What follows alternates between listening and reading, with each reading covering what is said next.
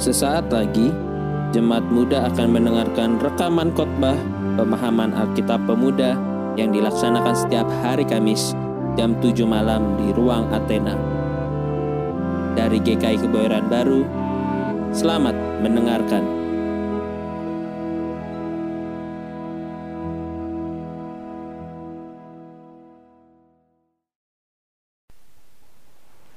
Ya Allah, kami datang dengan penuh sukacita di hadiratmu malam hari ini, karena Engkau tetap memelihara kami semua, sehingga masa muda kami penuh dengan kebahagiaan. Kami memperoleh kekuatan yang kami perlukan hari lepas hari, bukan dari dunia ini, tetapi dari Tuhan. Karena itu di malam hari ini Tuhan kami datang menghadap hadiratmu, memohon kiranya Tuhan melayakkan kami, memulihkan hati, pikiran, semangat kami untuk membaca Alkitab dan merenungkannya Kuduskanlah hati dan pikiran kami, ampunilah dosa dan pelanggaran kami, supaya kami semua boleh berlayak menerima kebenaran firman-Mu, dan ketika kami pulang nanti, kami menjadi pelaku-pelaku firman Tuhan yang setia. Terima kasih karena Engkau telah membebaskan kami, supaya kami mampu untuk juga membawa berita kelepasan dan kebebasan itu. Bersabdalah bagi kami ya Allah, demi pengasihan putramu yang terkasih, dan dalam lindungan rohmu yang kudus kami berdoa. Amin.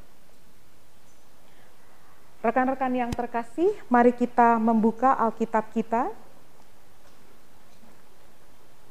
Injil menurut Lukas pasal 10 ayat 38 sampai dengan 42. Injil menurut Lukas pasal 10 ayat 38 sampai 42. Saya akan membacakan ayat yang bernomor genap, rekan-rekan akan membacakan ayat yang bernomor ganjil. Lalu ayat 42 kita baca bersama-sama. Lukas pasal 10 ayat 38 sampai 42.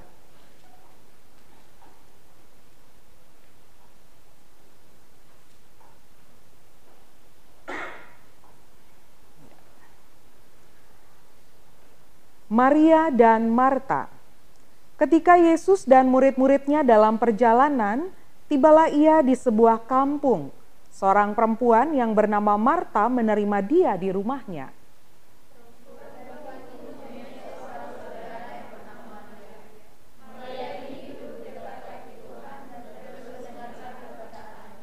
Sedang Marta sibuk sekali melayani.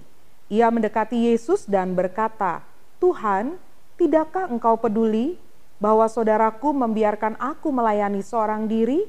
Suruhlah dia membantu aku."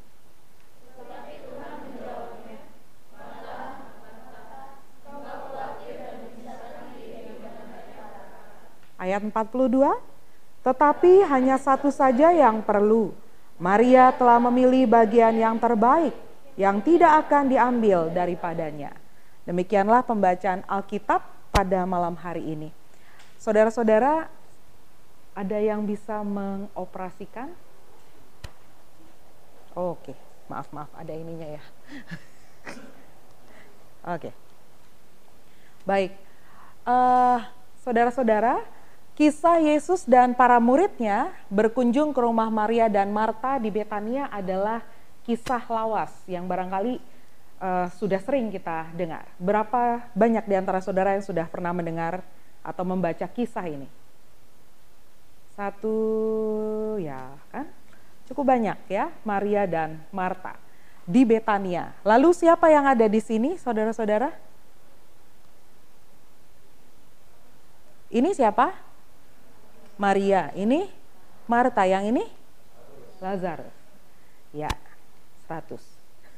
Lulus berarti rajin baca Alkitab.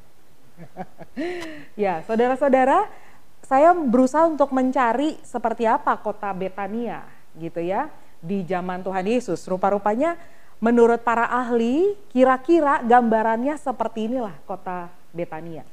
Tidak terlalu besar kota itu, tetapi uh, dikelilingi oleh wilayah yang cukup luas gitu ya. Mungkin di kiri dan kanannya banyak pohon seperti itu.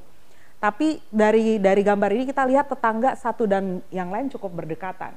Ya, tapi tidak sepadat Jakarta. Betania ada di sini teman-teman. Ya, dia ada di sebelah timur dari Yerusalem, eh, dekat dengan eh, Mount of Olive, Bukit Zaitun. Ya, di sini dikatakan kota Betania 12 kali disebut dalam perjanjian baru secara literal, literal sebenarnya Betania itu artinya rumah perjanjian atau rumah persinggahan. Tetapi pada zaman Yesus sejarawan mengatakan bahwa Betania ini koloni penderita kusta. Kalau koloni penderita kusta artinya Betania ini tempat di mana orang-orang kusta disingkirkan. Orang-orang yang sakit kusta itu dimasukkan ke dalam satu wilayah ya supaya penyakitnya tidak menyebar. Jadi kalau kita mau mengatakan uh, penduduk kota Betania ya adalah penduduk yang um, cukup menerima pandangan miring kira-kira begitu ya dari orang-orang sejamannya. Karena pada zaman itu orang yang menderita kusta itu dianggap tidak tahir, tidak kudus, tidak layak untuk disebut manusia, tidak layak juga untuk disebut umat Allah. Kenapa? Karena dia tidak bisa mendekat. Dalam kehidupan religius pun dia tidak tidak bisa mendekat. Eh, dalam kehidupan sosial dia harus menjauh. Kira-kira seperti itu. Tetapi justru di Betania ini Yesus disambut oleh kakak beradik Lazarus, Maria, dan Marta. Ya, dan Yesus sering sekali pergi ke Betania. Kalau Yesus sering pergi ke Betania, tampaknya dia tidak terlalu keberatan dengan fakta bahwa Betania adalah koloni ya, penyakit kusta. Yesus tidak takut dirinya tidak tahir atau dia tidak takut dengan pelabelan orang-orang yang menganggap dirinya suci bahwa dia tidak tahir. Nah, di kota Betania juga Yesus membangkitkan Lazarus setelah empat hari dia mati. Lazarus adalah kakak dari Maria dan Marta. Lalu di sini juga Yesus dijamu oleh Simon si kusta, tentu saja. Artinya, apakah si kusta ini sudah sembuh atau belum? Ya kita nggak tahu. Nanti saudara-saudara bisa membaca kembali Injil Lukas. Tapi di sini si kusta menjamu Yesus dan Yesus datang ke rumahnya. Dia makan dari piringnya. Ya, dia menerima uh, hospitalitas yang diberikan oleh si, si Simon gitu ya. Artinya ketika Yesus masuk ke kota Betania, dia sadar penuh dia ada di tengah-tengah komunitas yang marginal pada masyarakat saat itu. Di zaman itu, hanya karena kategori religius. Anda bersih, Anda suci. Anda uh, tidak bersih, banyak penyakit, Anda rendah ya di hadapan manusia ataupun di hadapan Tuhan. Nah, menurut bacaan kita hari ini Yesus menerima hospitalitas dari keluarga Maria, Marta, dan Lazarus. Uh, istilah hospitalitas kalau ke bahasa Indonesia apa ya? Keramah tamahan. Ya, keramah tamahan. Saya mau tanya sama saudara ya, kalau saudara menerima tamu di rumah, peran mana yang biasanya saudara ambil? Marta, Maria, murid-murid Yesus, atau Yesus? Mana peran yang biasa saudara jalani? Ya, kalau saudara menerima tamu di rumah, di kamar, Di kamar berarti nggak ada di scene ini ya. Di kamar. Ada lagi? Siapa yang biasanya menjadi Marta kalau di rumah ada tamu? Aha. Yang menjadi Maria? Terus yang lain apa ya? Oh, yang lain menjadi Yesus. ya. Kamu jadi siapa? Muridnya? Juru foto luar biasa. Siapa ya di sini juru fotonya? ya, serius nih, yang jadi Maria cuma satu. Yang lain mungkin pas tamu datang nggak ada kali ya di rumah. Belum pulang kerja. Baiklah, ya. Uh, sama seperti teman-teman, saya juga sering menjadi Marta waktu saya masih remaja dan pemuda kalau saya ada di rumah. Tapi kalau misalnya tidak ada ya tidak berperan apa-apa gitu. Tapi dalam tradisi keramah tamahan masyarakat Yahudi, saudara, yang dimaksud dengan hospitalitas itu ada tiga syaratnya. Pertama harus menyediakan makanan, harus mempersiapkan akomodasi, harus mempersiapkan perlindungan. Kenapa? Karena dulu orang Israel sebenarnya tradisi hospitalitas ini adalah tradisi masyarakat suku Badui. Suku Badui, Badui tahu ya, bukan Badui yang di Jawa Barat ya, tapi suku Badui itu suku yang berpindah-pindah tempat di padang gurun. Jadi mereka tinggal dalam tenda. Nah, jika ada orang yang berjalan jauh dari satu negeri, melintasi daerah mereka, lalu membutuhkan makanan, minuman, istirahat. Kalau mereka membawa ternaknya, biasanya unta ke, ke ledai, saya takut kedelai jadinya ya, keledai, e, maka untuk kambing domba, e, orang asing ini harus diberikan keramah tamahan. Bagaimana tradisinya? Tradisinya si orang asing ini akan duduk menjauh di tengah-tengah lapangan, lalu orang yang melihat ya orang yang ada di dalam tenda melihat ada orang asing duduk, maka dia akan pergi dan mengundangnya masuk ke dalam tenda. Setelah masuk ke dalam tenda, maka diberikan kepadanya air untuk mencuci tangan, mencuci kaki, mencuci muka, air untuk minum, lalu dimasakkan masakan yang sangat enak, lalu diberikan tempat untuk beristirahat. Biasanya kalau tradisi hospitalitas masyarakat Badui itu hanya untuk satu sampai dua hari saja. Hanya dalam waktu yang singkat karena si orang asing akan ya akan melanjutkan perjalanan gitu ya. Sementara orang asing itu ada di dalam tenda, maka keselamatannya menjadi tanggung jawab si pemilik tenda. Maka itulah yang disebut dengan makanan, akomodasi dan perlindungan. Ya, dasar uh, religius orang Israel harus memberikan hospitalitas bukan hanya karena itu tradisi kultural masyarakat Mesopotamia kuno, tetapi dasarnya ada. Dikatakan haruslah kamu ramah terhadap orang asing karena dulu kamu adalah orang asing di tanah Mesir. Jadi eh, dasar hospitalitas menurut masyarakat Yahudi pertama adalah tradisi masyarakat tetapi juga karena perintah Tuhan. Perintah Tuhan sendiri. Nah, di kemudian hari ketika orang Israel sudah menetap di tanah Kanaan, tradisi itu tetap ada. Dan kali ini Yesuslah yang diberikan keramah tamahan. Yesus dan kedua belas muridnya. Kenapa Yesus dan kedua belas muridnya? Ada yang bisa menebak? Kenapa Yesus dan kedua belas muridnya harus diberikan keramah tamahan oleh Maria, Marta, dan Lazarus? Kira-kira kenapa? Jawabannya?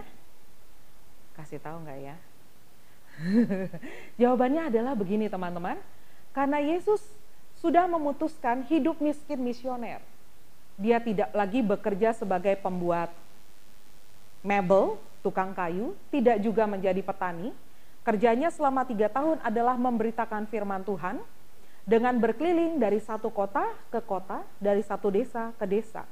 Maka untuk memenuhi kebutuhan hidupnya, dia seakan-akan seperti orang asing yang akan berkunjung ke satu tempat ke tempat yang lain dan di mana para pengikutnya itu membuka pintu rumah mereka, maka Yesus dan murid-muridnya menjadi penerima hospitalitas. Ya, Yesus menjadi penerima hospitalitas. Yesus dan murid-muridnya ya tidak punya uang, maka dia bergantung pada kebaikan para pendukung atau pengikutnya. Ada kemungkinan Maria, Marta, dan Lazarus tidak ikut dalam perjalanan misioner Yesus memberitakan kerajaan Allah. Tetapi bukan berarti mereka tidak mendukung Yesus. Mereka mendukung Yesus dengan cara menerima Yesus, menumpang di dalam rumah mereka. Memberikan makanan, memberikan akomodasi, kita tidak tahu dengan pasti berapa lama Yesus tinggal. Tapi biasanya nggak akan lama. Ya lama-lama nanti malah hilang minat untuk memberitakan Injil. Tapi satu dua hari mungkin cukup lalu melanjutkan lagi pekabaran Injil ke berbagai kota. Ya, nah di sini saudara, saudara lihat Marta sedang sibuk sekali mempersiapkan segala sesuatu ya ada ikan, mungkin dia mempersiapkan makanan, tidak tidak disebutkan oleh e, Injil Lukas makanan apa yang biasanya dihidangkan. Tapi makanan pada zaman itu adalah roti dan ikan. Kalau saudara kedatangan tamu biasanya makanan apa yang saudara masak? Ya? Teh sama gorengan. Ya? Apalagi? Martabak biasanya ya, orange, apalagi yang diskon 40 di GrabFood. apalagi? Ya, kalau tradisi orang Timor, kebetulan saya orang Timor, itu harus menyiapkan minuman terlebih dahulu ya orang datang harus dapat minuman manis. Dan kalau dibikininnya satu gelas besar itu tamu harus ngabisin. Jadi harus dihabisin. Ya lain halnya kalau saudara datang ke rumah orang Jawa misalnya dikasih minuman saya nggak tahu apa tradisi masih berlaku. Tapi kalau orang Timor dikasih saudara jadi tamu di orang Timor lalu dikasih minuman saudara hanya minum setengah itu dianggap saudara tidak menghormati pemilik rumah atau tuan rumah. Tapi kalau mungkin saudara datang ke rumah orang Jawa, saya nggak ngerti ya. Tapi biasanya kalau kita makan eh, minumnya sampai habis, itu akan dikomen aus banget ya, gitu. Bener atau enggak ya? Kok aus banget ya, gitu. Ya ini ini uh, budaya sih ya, tapi kira-kira begitu. Ketika orang lain datang ke rumah kita, kita berusaha untuk memberikan yang terbaik. Dan itu tampaknya ada dalam diri Marta ya. Nah, peran laki-laki dan perempuan dalam hospitalitas Yahudi memang sedikit berbeda. Kalau yang mengundang orang asing datang ke rumah harus laki-laki, tetapi yang melayani tamu harus perempuan. Karena memang masyarakat Yahudi kan masyarakat patriarki, sehingga kalau masak nggak mungkin kayaknya laki-laki. Laki-laki itu duduk dan dilayani, ya duduk dan dilayani. Tapi kalau perempuan harus sibuk dan melayani. Jadi kira-kira seperti ini. Lazarus sudah pasti duduk dengan Yesus dan 12 muridnya. Harusnya, harusnya Maria menurut tradisi kultural uh, Yahudi ya, Maria membantu Marta. Tapi yang terjadi Maria duduk dekat kaki Yesus dan itulah yang menimbulkan konflik, teman-teman. Kalau kita lihat uh, Marta adalah figur perempuan yang taat pada budaya dan tradisi Yahudi. Dia berusaha untuk memerankan atau memenuhi tuntutan peran ideal di Israel ya perempuan di Israel adalah pelayan domestik yang menjamin ketersediaan makanan. Jadi kalau ada tamu datang, makanan tidak ada atau makanan tidak siap, itu malu tuan rumahnya. Betul ya? Malu. Apalagi kalau ada tamu di rumah terus kita nggak punya apa-apa, makanya buru-buru beli gorengan. Ya, karena kalau nggak ada makanan rasanya gak enak hati sama tamu. Sudah datang jauh, nggak dikasih makanan, nggak dikasih minuman, rasanya nggak enak. Ya, kira-kira begitu. Nah, e, Marta memilih untuk patuh pada budaya dan tradisi. Dan itu dia pilih secara bebas. Jadi dia sebenarnya memilih, saya mau patuh pada tradisi, saya mau patuh pada budaya dan nggak ada salahnya. Karena yang dia lakukan itu adalah sesuatu yang berguna, sesuatu yang baik untuk Yesus dan murid-muridnya. Ya, dengan apa yang Maria eh, Marta lakukan, maaf, Marta lakukan, pengorbanan dia, kebebasan yang dia pilih untuk menyiapkan makanan berguna untuk tamunya. Ya, karena pada saat itu memang e, perempuan dianggap tidak pantas baik untuk duduk dengan laki-laki, apalagi untuk belajar dengan rabi. Ya, e, zaman dulu di Israel pada zaman Yesus, saudara-saudara, perempuan itu memang tidak bisa duduk bersama-sama dengan laki-laki. E, tabu rasanya ya, kecuali kalau dia memang bersaudara. Tapi kalau dia tidak bersaudara rasanya tabu. Perempuan coba ke sana. Ya, jangan di sini gitu ya apalagi mau mendengarkan pengajaran para rabi. Di zaman Yesus, perempuan itu dianggap tidak mampu, tidak bisa, tidak kompeten. Maka yang masuk sekolah pun hanya laki-laki. Yang masuk pendidikan formal itu hanya laki-laki. Bagaimana dengan perempuan? Perempuan di rumah belajar masak, belajar uh, menjahit, belajar menanam, memeras anggur, ya dan seterusnya dari ibunya Kalaupun dia ingin belajar tentang Tuhan, tentang kitab suci, dia bisa bertanya kepada ayahnya. Maka dengan kata lain, perempuan itu selalu menjadi kelas kedua, baik untuk dia mendapatkan firman Tuhan, ya, maupun untuk mendapatkan pengetahuan formal. Di zaman Yesus seperti itu. Rabi-rabi di zaman Yesus tidak suka kalau mereka mengajar lalu ada perempuan. Karena yang ideal murid di sekolah, murid seorang rabi adalah laki-laki.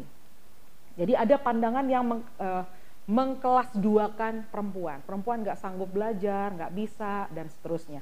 Pada zaman itu demikian. Tetapi ya uh, Maria sepertinya tidak setuju dengan tradisi, dengan anggapan yang seperti itu. Maka dia memilih untuk duduk bersama dengan murid-murid Yesus punya kesempatan dan kesetaraan di hadapan Yesus mendengarkan firman. Ya. Beda dengan Marta. Marta dengan bebas memilih untuk melayani dengan cara sibuk di dapur, mungkin sibuk juga mempersiapkan kasur, selimut dan sebagainya untuk akomodasi. Nah, sibuk sekali melayani sebenarnya tidak masalah, betul nggak? ya sibuk sekali melayani nggak masalah. Masalah mulai muncul ketika Marta protes dan protes dan mengeluh. Kalau misalnya orang bekerja lalu protes dan mengeluh, artinya apa, saudara? Saudara eh, kerja keras, lalu temennya duduk dekat bos di kantor nih ya ceritanya, Saudara kerja keras gitu ya dari jam 8 sampai jam 8 lagi. Gak berhenti-berhenti. Tapi teman saudara enak duduk bareng bos minum kopi. Eh lagi ada diskon nih 40% yuk gitu ya terus minum-minum. Kira-kira uh, saudara pernah merasa seperti yang dirasakan oleh Marta? Protes dan mengeluh? Manusiawi nggak? manusiawi, tapi tidak kristiani. manusiawi tapi tidak kristiani. Kenapa?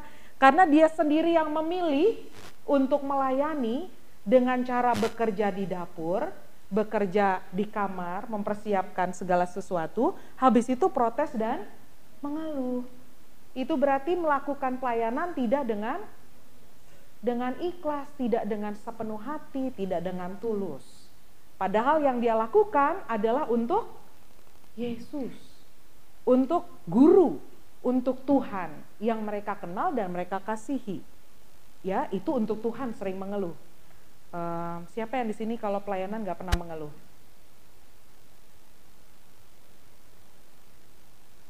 Iya, nggak ada ya. Berarti benarlah kita semua pernah jadi Marta ya. pernah lah ya kita menjadi Marta. Sibuk, tapi melihat orang lain gak sibuk atau melihat orang lain santai, kita mulai merasa cemburu.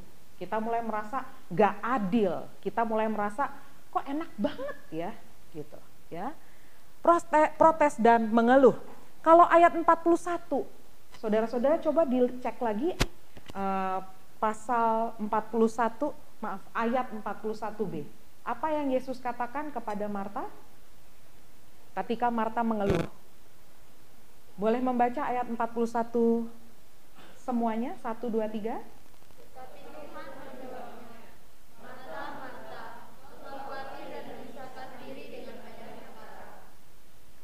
Aneh nggak jawaban Yesus? Marta, Marta, engkau engkau khawatir dan menyusahkan diri dengan banyak perkara. Pertanyaannya, kok Yesus tahu? Marta menyusahkan diri dengan banyak perkara. Kira-kira maksud Yesus apa? Kalau saudara menjadi Marta, mendengar Yesus berkata begitu, apa yang saudara rasa? Nama kamu siapa? Fitri. Vita. Yesus berkata, Vita, Vita, kamu sibuk dengan banyak perkara. Padahal kamu sudah mempersiapkan yang terbaik nih, sudah masak, sudah nyiapin kasur, selimut. Lalu Yesus jawabnya begitu ketika kamu protes.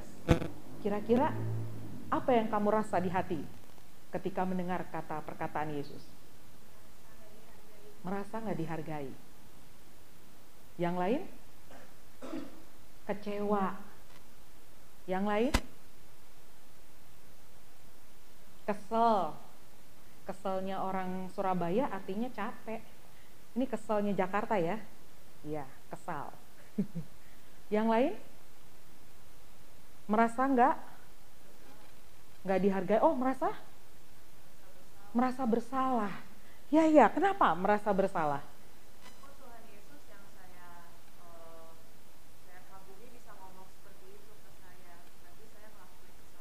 Hmm, kok bisa ya? Bukan bukannya ngebela saya, malah mengatakan seperti itu. Namanya siapa? Benita, Benita, engkau menyusahkan diri dengan banyak perkara. Lalu kita langsung bingung lah. Kan yang saya lakukan ini untuk kebaikan Tuhan, untuk kebaikan murid-murid, untuk kebaikan semua. Apa yang saya lakukan ini sesuai loh dengan budaya dan adat dan tradisi Yahudi. Sesuai juga dengan perintah Tuhan untuk berlaku yang ramah kepada semua orang. Kok salah? Ya. Saudara-saudara, Yesus lebih tahu isi hati manusia. Barangkali di hadapan banyak orang kita sibuk, dan pelayanan kita excellent. Pelayanan kita maksimal, pelayanan kita keren, pelayanan kita bagus. Tetapi Tuhan mengenal hati. Ya, rupa-rupanya kalau pelayanan yang excellent tapi tidak disertai dengan hati yang penuh dengan sukacita, hati yang berpusat pada kasih, hati yang dibebaskan melakukan segala sesuatu tidak hitung-hitungan, karena kalau orang protes dan mengeluh artinya dia masih kalkulasi, ya, masih masih menghitung ini untungnya apa, ruginya apa. Ini siapa yang lebih banyak e, jasa, siapa yang lebih banyak peran, siapa yang enggak. Karena itu Yesus berkata akarnya adalah kekhawatiran. Kira-kira apa yang Marta khawatirkan menurut saudara? Apa yang Marta khawatirkan? Kalau saudara ada di posisi Marta, Yesus dengan 12 murid datang ke rumah mereka. Mungkin mereka bukan orang yang kaya, tapi mereka ingin memberikan hospitalitas yang terbaik. Kira-kira kekhawatiran apa yang ada dalam diri Marta? Tebak saja. Takut kurang maksimal pelayanannya Takut? Makanannya kurang. Takut? Ruangannya tidak cukup untuk menampung semua. Apalagi? Takut tidak diapresiasi oleh Yesus. Kalau pelayanannya tidak seperti yang diharapkan. Ya, khawatir Saudara, ketika kita memilih untuk melayani Tuhan, tapi kita masih diri, diliputi hati kita dengan kekhawatiran bahwa tidak akan cukup apa yang kita lakukan, tidak akan baik apa yang kita kerjakan, maka seperti itulah hasilnya tidak akan pernah maksimal. Jadi kalau kita memilih dengan bebas pelayanan untuk Tuhan, janganlah kita khawatir tentang apa pun juga. Lakukan saja yang terbaik, nanti Tuhan yang menilai apakah hasilnya itu excellent atau tidak. Kalaupun dia kurang, Tuhan tahu kita tidak sempurna, dia pasti akan memampukan kita melakukan yang terbaik berikutnya. Tapi paling tidak, lakukan yang terbaik ketika kita dipercayakan pelayanan itu. Atau ketika kita sendiri memilih dengan bebas melakukan karya pelayanan bagi bagi Tuhan. Kan kita yang pilih, kok kita yang mengeluh, betul nggak? Lain kalau Tuhan paksa, kamu masak ikan bakar. Ya, di, di dalam uh, Injil Lukas ada nggak Yesus berkata begitu? Marta, saya maunya makannya ini ini ya. Tolong itu namanya tamu nggak tahu diri ya. Udah datang di layanan minta sesuatu lagi. Tapi kan Tuhan Yesus nggak ngomong begitu. Ya, apa yang diberikan oleh Marta pasti diterima. Karena itu lakukan saja yang baik. Masalahnya maksimal atau tidak nanti Tuhan yang akan menilai dan menyempurnakannya. Karena itu Yesus berkata, hal yang utama dalam diri Marta adalah kekhawatiran. Ya, kekhawatiran. Mungkin juga faktor kekhawatiran ini didorong atau dimotivasi karena dia merasa dia bekerja sendiri. Betul? Ya, dia melihat Lazarus duduk bersama dengan Yesus, Maria yang harusnya menolong dia malah duduk. Jadi dia melakukan semuanya sendiri. Dia khawatir kalau pelayanan saya cuma single fighter nggak maksimal nih. Pernah nggak merasa seperti itu? Pelayanan ada banyak orang menurut SK banyak, tapi yang kerja cuma cuma cuma Eka sendiri. Gimana nih Tuhan? Kita mulai khawatir akibatnya kita sibuk sibuk sibuk sibuk, lalu kita mulai cemas ya, kita mulai khawatir, kita mulai gak suka ngelihat teman-teman kita. Padahal bisa jadi, bisa jadi kita yang kurang, bisa jadi kita kurang, kurang melibatkan atau kurang memberikan kesempatan kepada semua orang. Bisa nggak kalau misalnya Marta, Marta mengatakan kepada 12 murid Yesus atau kepada Maria atau kepada Lazarus untuk mengatakan, yuk kita siap-siapin makanan rame-rame. Yuk kita siapin tempat tidur, balai-balai, kasur, dan se uh, semuanya bersama-sama bisa nggak? Bisa ya bisa. Walaupun itu mungkin ya pada zaman itu tidak sesuai dengan adat dan budaya. Tapi bukan berarti meminta tolong orang lain untuk melengkapi kekurangan kita adalah sesuatu yang mustahil. Bisa. Persoalannya adalah mau nggak minta tolong sama orang lain. Mau nggak minta tolong sama orang lain. Ya, ada kecenderungan kita merasa kita mampu melakukan semuanya untuk Tuhan. Kita tidak mau berbagi tugas, kita tidak mau berbagi tanggung jawab, kita tidak mau berbagi kepercayaan. Kita mau menanggung beban itu sendirian. Ya, akibatnya kalau bebannya sudah terlalu berat, kita mulai mengeluh, kita mulai khawatir. Akibatnya yang tadinya kita memilih dengan bebas, akhirnya kita menjadi orang yang melakukan karya pelayanan dengan terbeban, tidak dengan sukacita. Padahal kalau kita memilih sendiri mestinya happy, betul nggak? Ini saya uh, mengambil contoh yang agak jauh ya. Siapa di sini yang uh, punya pacar tapi karena dijodohin dipaksa?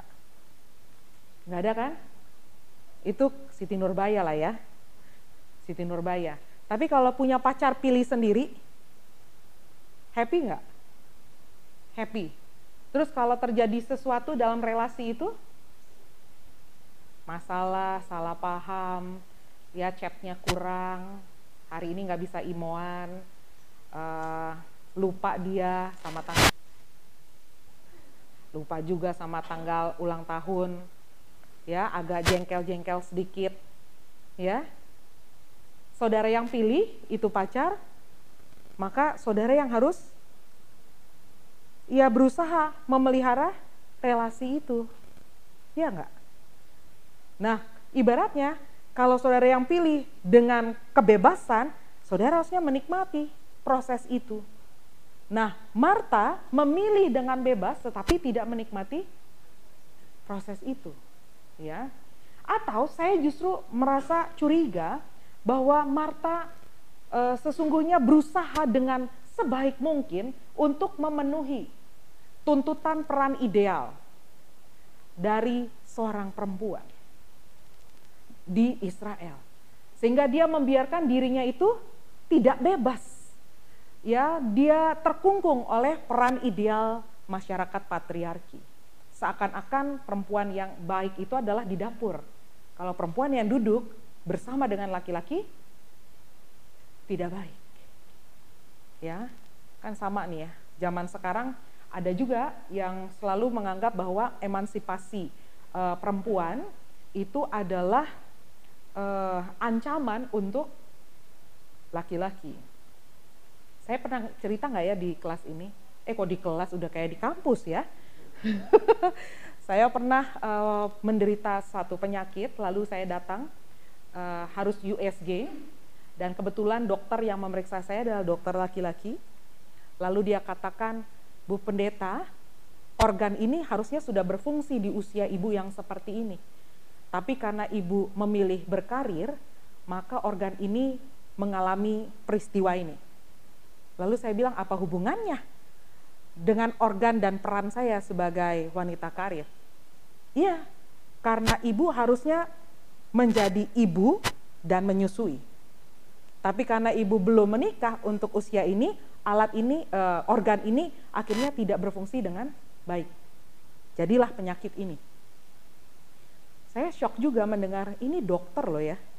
Dokter yang sudah uh, berpendidikan tinggi, uh, produk abad 21.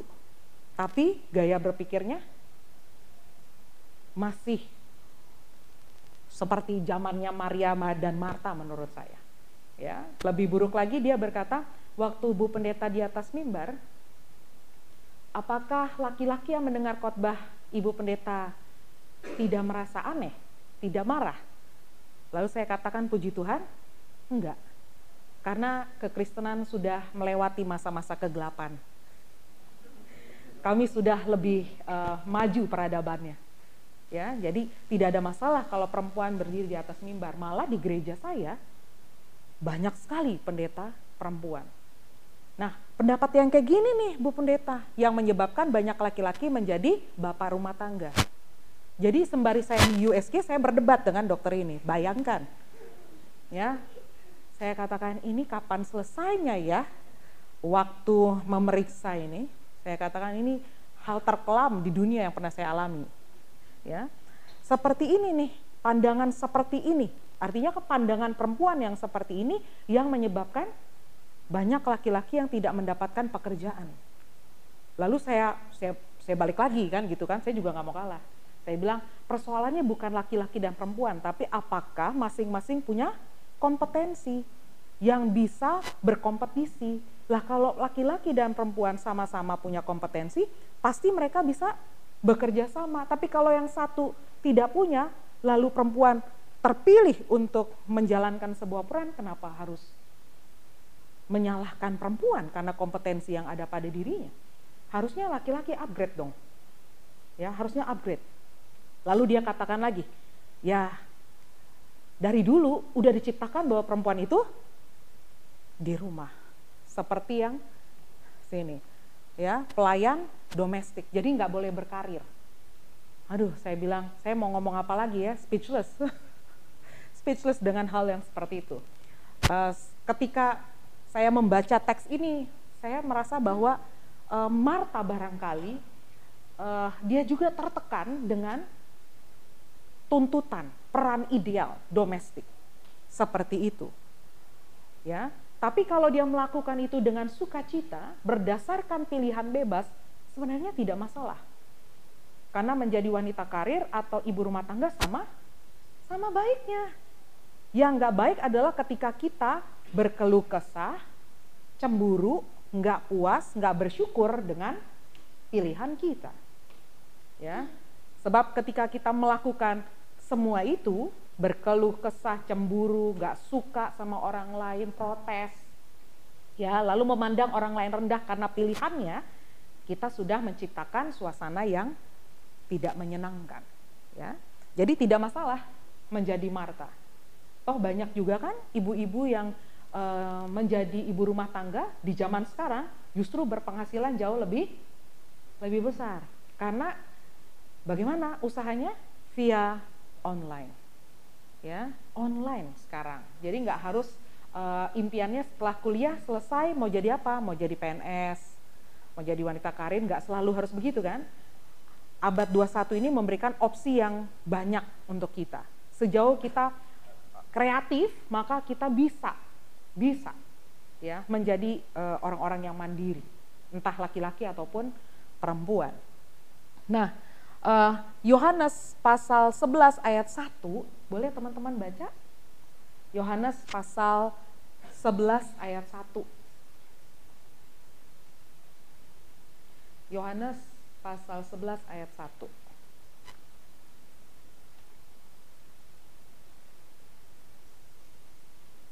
Baca bersama, satu, dua, tiga.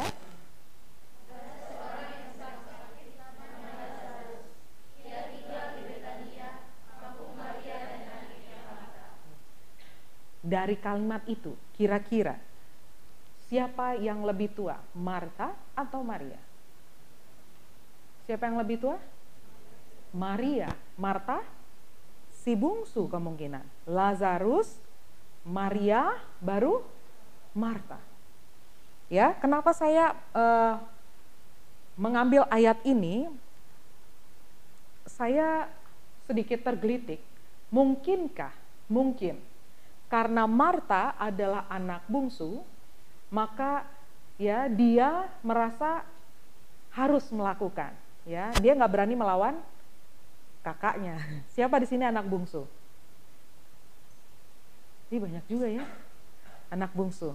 Kalau anak bungsu kakak bilang A, Y ikut toh. Kalau abang bilang B, ya nggak bisa melawan begitu ya.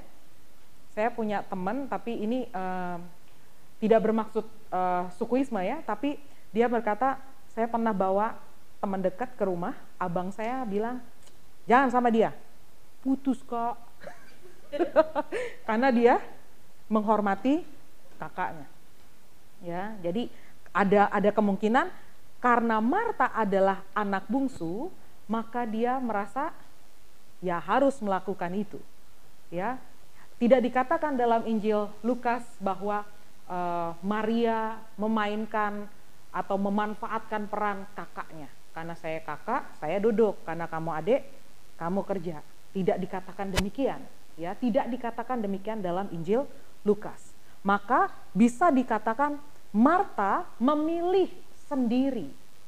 Bukan karena dia bungsu, tapi karena dia bebas memilih untuk melayani Yesus dengan cara sibuk di dapur. Dan pilihan itu bebas-bebas saja. Semua orang boleh kok memilih. Terlepas dia mau bungsu atau tidak. Ya, bagaimana dengan Maria, Saudara? Nah, kalau Maria tampaknya dia lebih menghargai kesempatan karena dia tahu Yesus ini nggak mungkin selamanya tinggal di Betani. Yesus akan segera melanjutkan perjalanan. Maka kalau Yesus datang ke rumah saya, ini kesempatan yang nggak boleh dilewatkan. Nggak boleh disia-siakan. Maria adalah tipikal orang yang tahu mana yang harus segera direspons. Ya, dia nggak mau melewatkan kesempatan. Apalagi duduk dekat kaki Yesus face to face, dekat sekali kalau dulu mungkin ya saya ber, berimajinasi ketika Yesus khotbah di bukit, Maria dan Marta ada, tapi mereka berjarak karena banyak orang. Tidak bisa mendengar secara langsung barangkali. Tapi sekarang Yesus ada di rumah mereka, duduk di bangku. Dan Maria memilih untuk memilih, uh, memilih untuk uh, duduk dekat kaki Yesus dan mendengarkan perkataan Yesus. Jadi ini tipikal orang yang tahu ada kesempatan baik, jangan disia-siakan. Dan Maria tidak seperti perempuan pada zaman itu yang menganggap duduk dengan laki-laki adalah hal yang tabu. Bagi Maria, duduk bersama menikmati kesetaraan adalah hal yang luar biasa. Mungkin di luar rumahnya dia tidak bisa melakukan itu, betul nggak?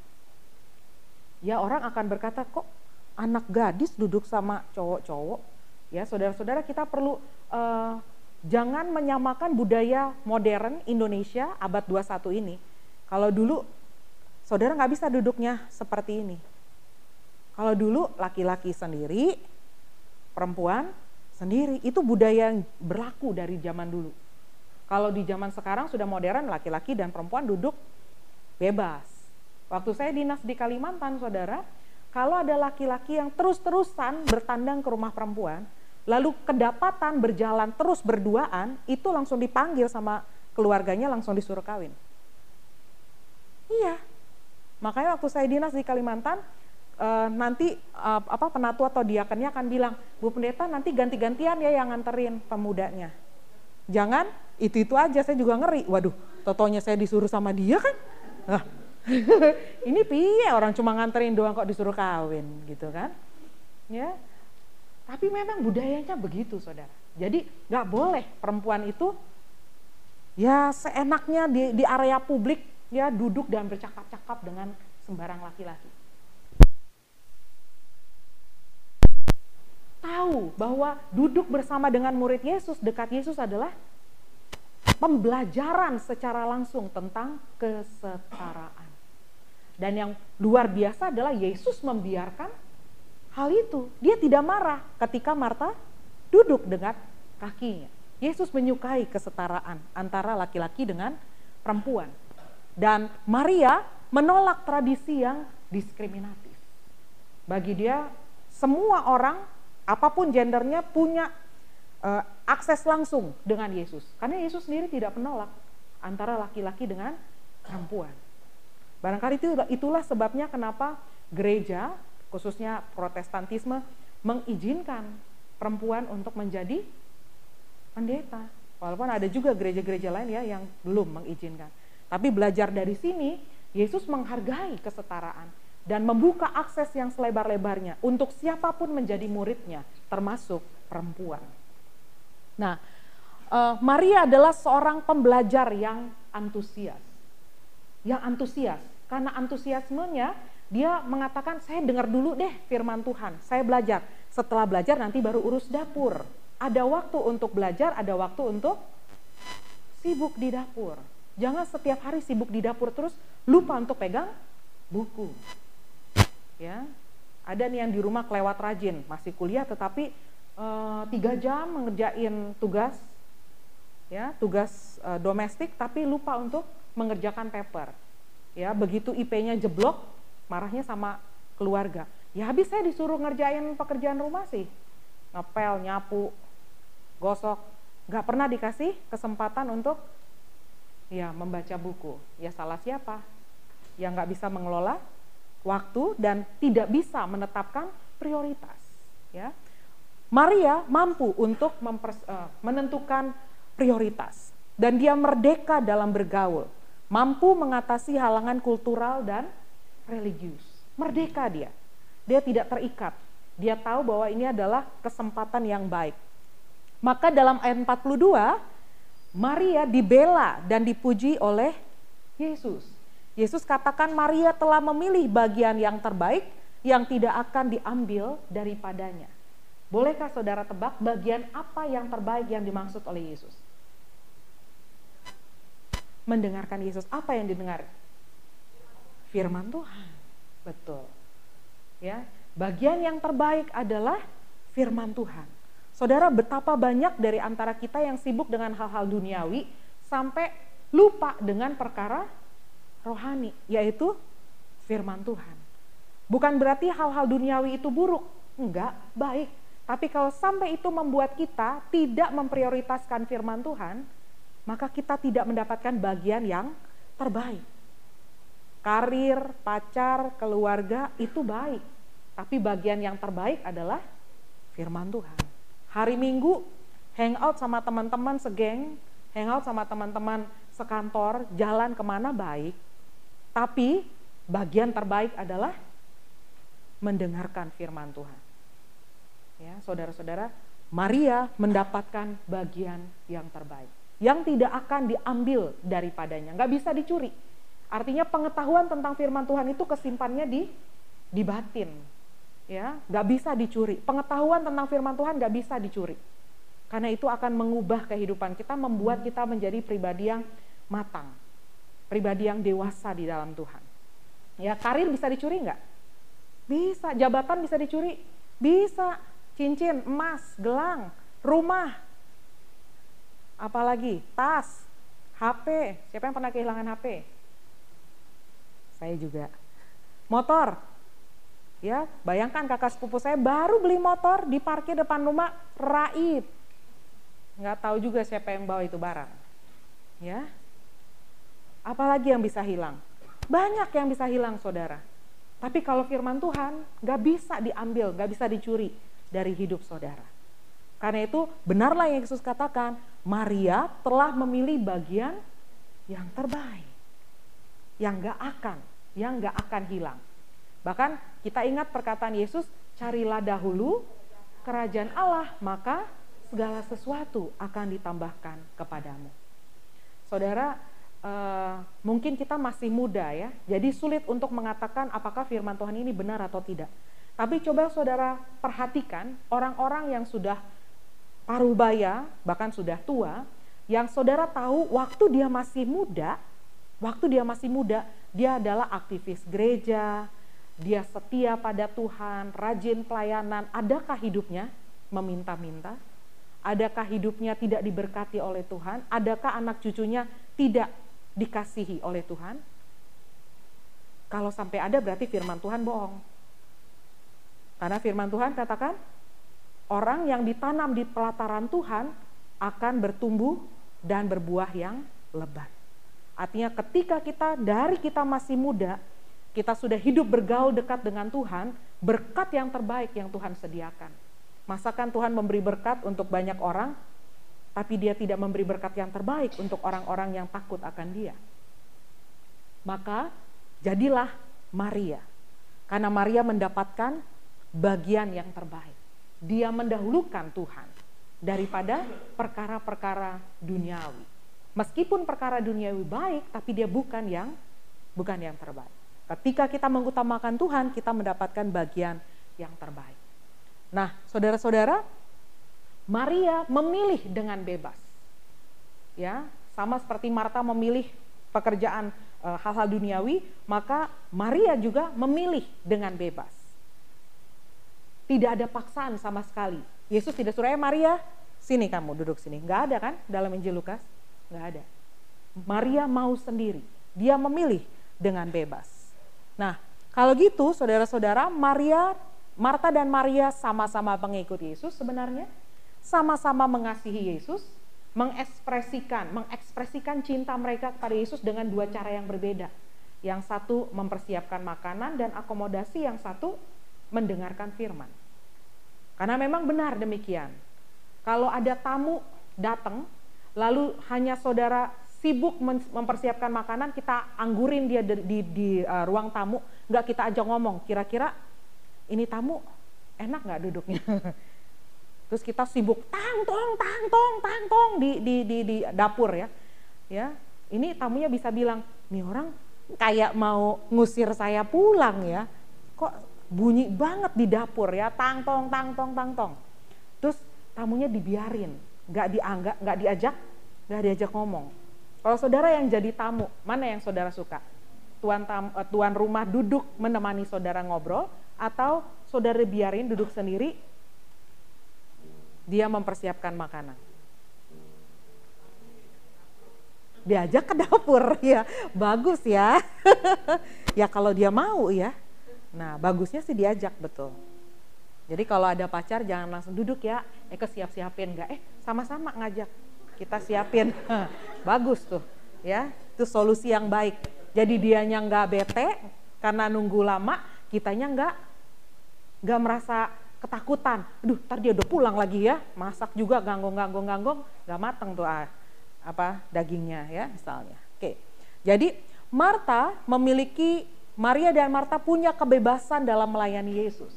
Dari Marta kita belajar menghargai pilihan bebas orang lain. Ya, jadi jadilah Marta yang menghargai pilihan bebas orang lain. Jangan karena kita memilih A, orang lain harus ikut seperti kita. Nggak bisa. Orang lain punya pilihan bebas. Ya, atau kita belajar juga dari Maria. Maria menggunakan kebebasannya dengan tepat. Dia pilih yang terbaik. Dia bebas dan dia melakukan uh, pilihan yang tepat. Ya, dia memilih pilihan yang tepat. Nah, karena itu saudara-saudara, apakah uh, dari Marta dan Maria Saudara menemukan pesan tentang kebebasan.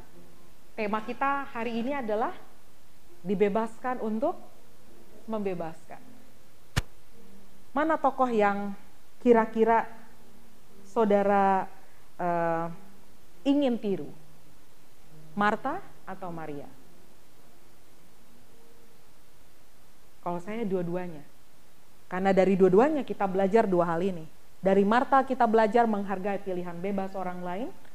Dari Maria kita belajar menggunakan kebebasan dengan tepat.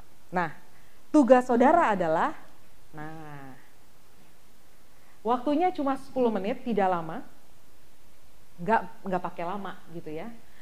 Bagaimana, eh, apa saja kendala yang sering dialami dalam menikmati kebebasan? Lalu bagaimana saudara menyikapi kebebasan orang lain? Rumuskanlah sebuah slogan tentang kebebasan.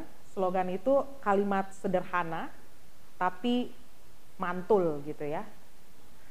Buatlah yel-yel yang kreatif berisi slogan tersebut. Nah, supaya rame, maka kita bikin kelompok per tempat duduk aja. Jadi ini kelompok satu, ini kelompok dua, ini kelompok tiga, yang di sana semuanya kelompok empat. Dalam waktu yang sesingkat-singkatnya, dengan hasil yang sebagus-bagusnya, ya teman-teman, jangan lupa slogannya dan yel-yelnya akan ditampilkan berkaitan dengan kebebasan. Ya, apa yang saudara dapatkan dari Maria dan Marta malam hari ini, tolong slogan sebagai hasil dari uh, pemahaman saudara tentang kebebasan. Yel-yelnya yang kreatif ya, pakai gerakan boleh. Ya. Kalau susah uh, ngobrolnya boleh bangkunya di, diputar, lalu dibuat uh, keliling begitu, jadi bisa saling menatap, saling memandang. Ya.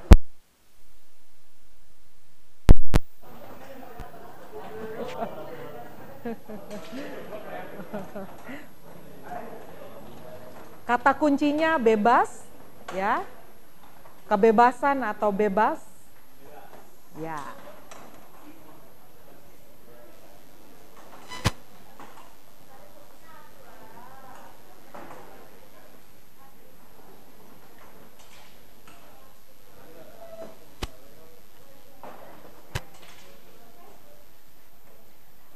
Diskusikan dulu teman-teman ya pertanyaan satu dan dua hasilnya baru saudara buat slogan dan yel-yel yang kreatif. Bebas itu indah, nah itu slogan, nggak boleh diikutin.